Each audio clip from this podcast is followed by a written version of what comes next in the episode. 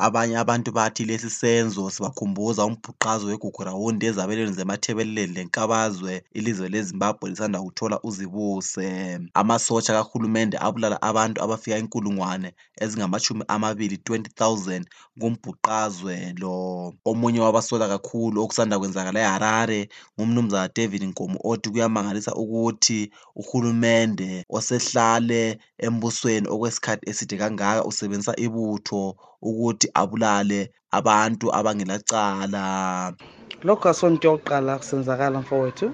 Ngo-1983 izanu yabaqeda aba-40 eMatabeleland. Kuyinto ezisa usizi ukuthi uhulumende sengaze abe lolaka lokuthi abulale abantu bakhe Lokhu kugcizelwe ngumnumzana iPhethule Maphosa isikhulumeli sebandla leZAP othi kumele uhulumende ahlolisise okwehlele abantu abadutshulwa ngamapholisa njalo lokuthi ibutho leli lalingaphansi kukabani. sithi akube le investigation ma kube le command lapse kusho ukuthi ucommander in chief is not fit ukuthi ebelokhu ephethe isikhundla leso njengopresident kusho ukuthi sethathelwe amandla over amasotsha okuyingozi kakhulu ebantwini bezimbabwe.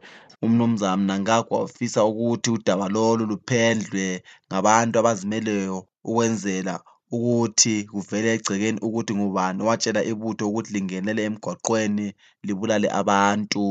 Umnumzana Kenneth Moyo uthi la ngamazwi omuntu nje odinga ukuthakazelelwa nguzulu njengoba kukhanya engani ukhala ngelihlo elilodwa. Loba nje esenza izithembiso zokuthi uzenza loba yini esemandleni akhe ukuze akulungisise uyaphosisa nje. Lokhu sakubona ku-simplicius chihambakwe kugurahundi commission eyasungulwayo kodwa kayisazange yaphenduka ukuze yazise uzulu ngalokho eyakutholayo. Okusho ukuthi kakulanto azayenza umnangagwa.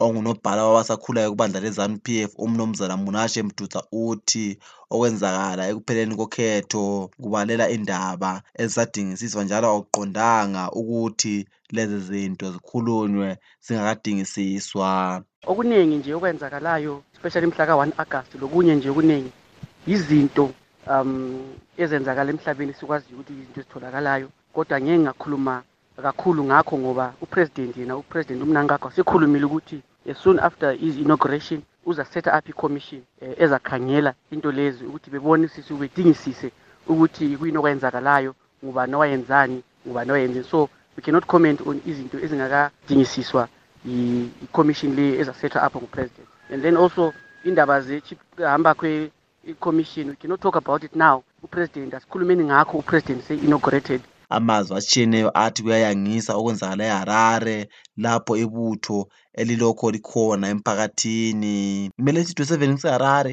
ngingugibson bhebhe.